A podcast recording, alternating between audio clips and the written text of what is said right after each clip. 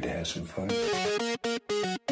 Let's do it. Welkom bij De Makers, de podcast waar je alles hoort over leven en ondernemen als creatieve maker, artiest of kunstenaar.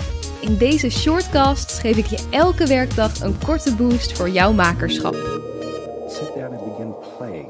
Je luistert naar de allerallereerste shortcast. In deze allereerste wil ik het met je hebben over het vinden van jouw eigen plek in het creatieve landschap.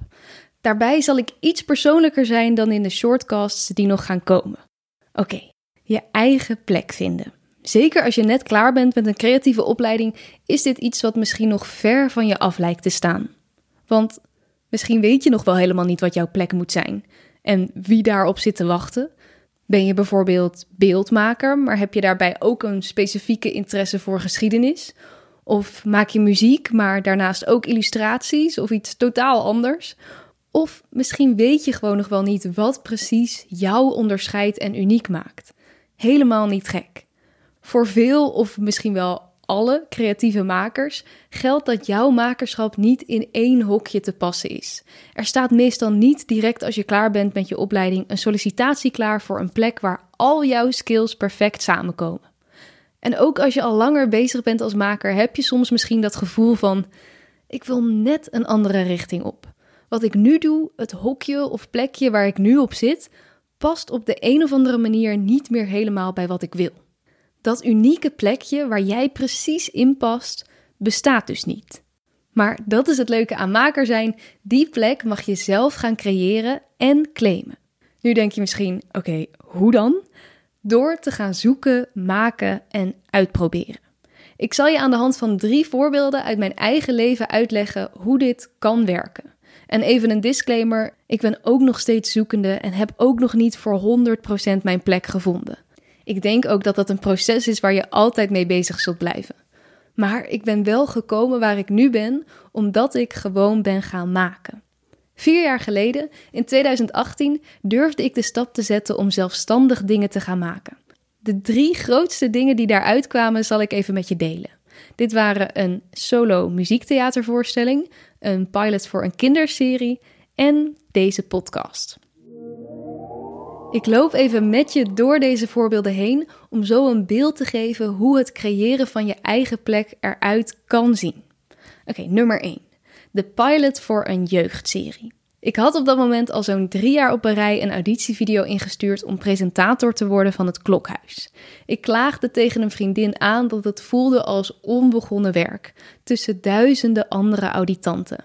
Had het überhaupt wel zin om iets op te sturen?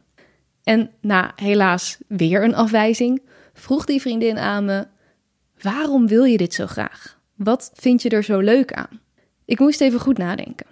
Ik had het gevoel dat al mijn skills, presenteren, mijn achtergrond als actrice in jeugdvoorstellingen, mijn nieuwsgierigheid, enthousiasme, dat al die skills hier perfect in samen zouden komen. En het leek me gewoon ontzettend leuk. En zij vroeg me toen: Maar als het je zo leuk lijkt en je denkt dat je het goed zou kunnen, waarom maak je dan niet zelf zoiets? Nou, mijn mind was blown. Want ja, zelf zoiets maken, dat was gewoon nog nooit in me opgekomen. Dat dat überhaupt zou kunnen. Want daar heb je toch een omroep en een enorme filmcrew en heel veel geld voor nodig.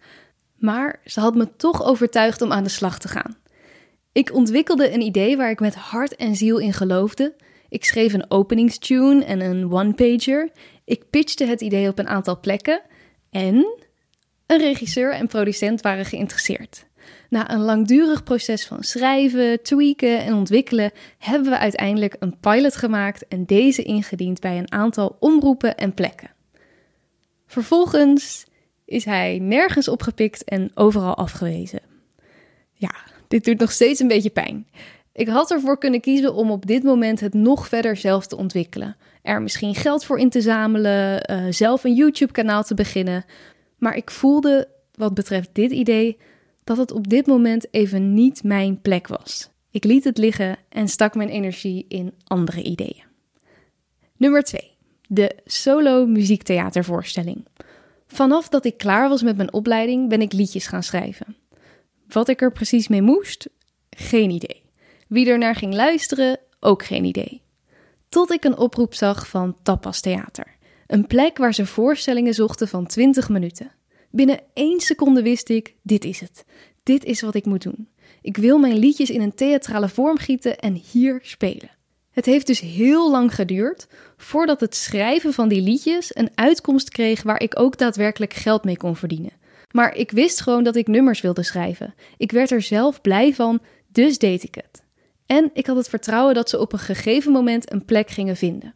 Nummer drie is deze podcast. Nu, alweer vier jaar later, is dat het ding waar ik verder mee ben gegaan en waar ik nu echt mijn plek in gevonden heb. Want, voor wie dat nog niet wist, nu ben ik fulltime podcastmaker en presentatrice in de kunst- en cultuursector. En dat terwijl ik bij mijn eerste idee, de pilot voor de kinderserie, vastberaden was dat dat het moest en zou worden. Dat dat het briljante idee was waar ik voor voorbestemd was. Maar het was op dat moment niet het juiste. De liedjes, die juist van tevoren geen duidelijk doel hadden, vonden wel hun plek in een theatervoorstelling die ik op een hoop plekken heb mogen spelen. En de podcast, waarvan ik aanvankelijk dacht: is dit wel iets voor mij? Ik heb hier toch geen opleiding voor gevolgd, was uiteindelijk hetgene waar ik in door wilde ontwikkelen. Dus drie verschillende voorbeelden, drie hele verschillende uitkomsten. Misschien is het voor jou één ding dat je uitprobeert en dat gelijk werkt. Misschien zijn het er tien. Misschien blijf je heel lang twee verschillende dingen naast elkaar doen, die uiteindelijk bij elkaar komen. Moraal van het verhaal is zoeken, maken en uitproberen. Blijf altijd nagaan waar jij blij van wordt, waar jouw talenten liggen, wat jij wilt maken en bedenk daar iets omheen. De ene keer zit er misschien helemaal niemand op te wachten, maar er komt een keer dat het klikt. Hou je dus ook niet kosten wat het kost vast aan je eerste idee. Als je er uiteindelijk geen energie meer uithaalt, is dit misschien niet het moment. En zonde van al jouw creatieve energie. Helaas neem ik dit op in het jaar 2022. En op dit moment zijn we, shocker, nog niet in staat om in de toekomst te kijken.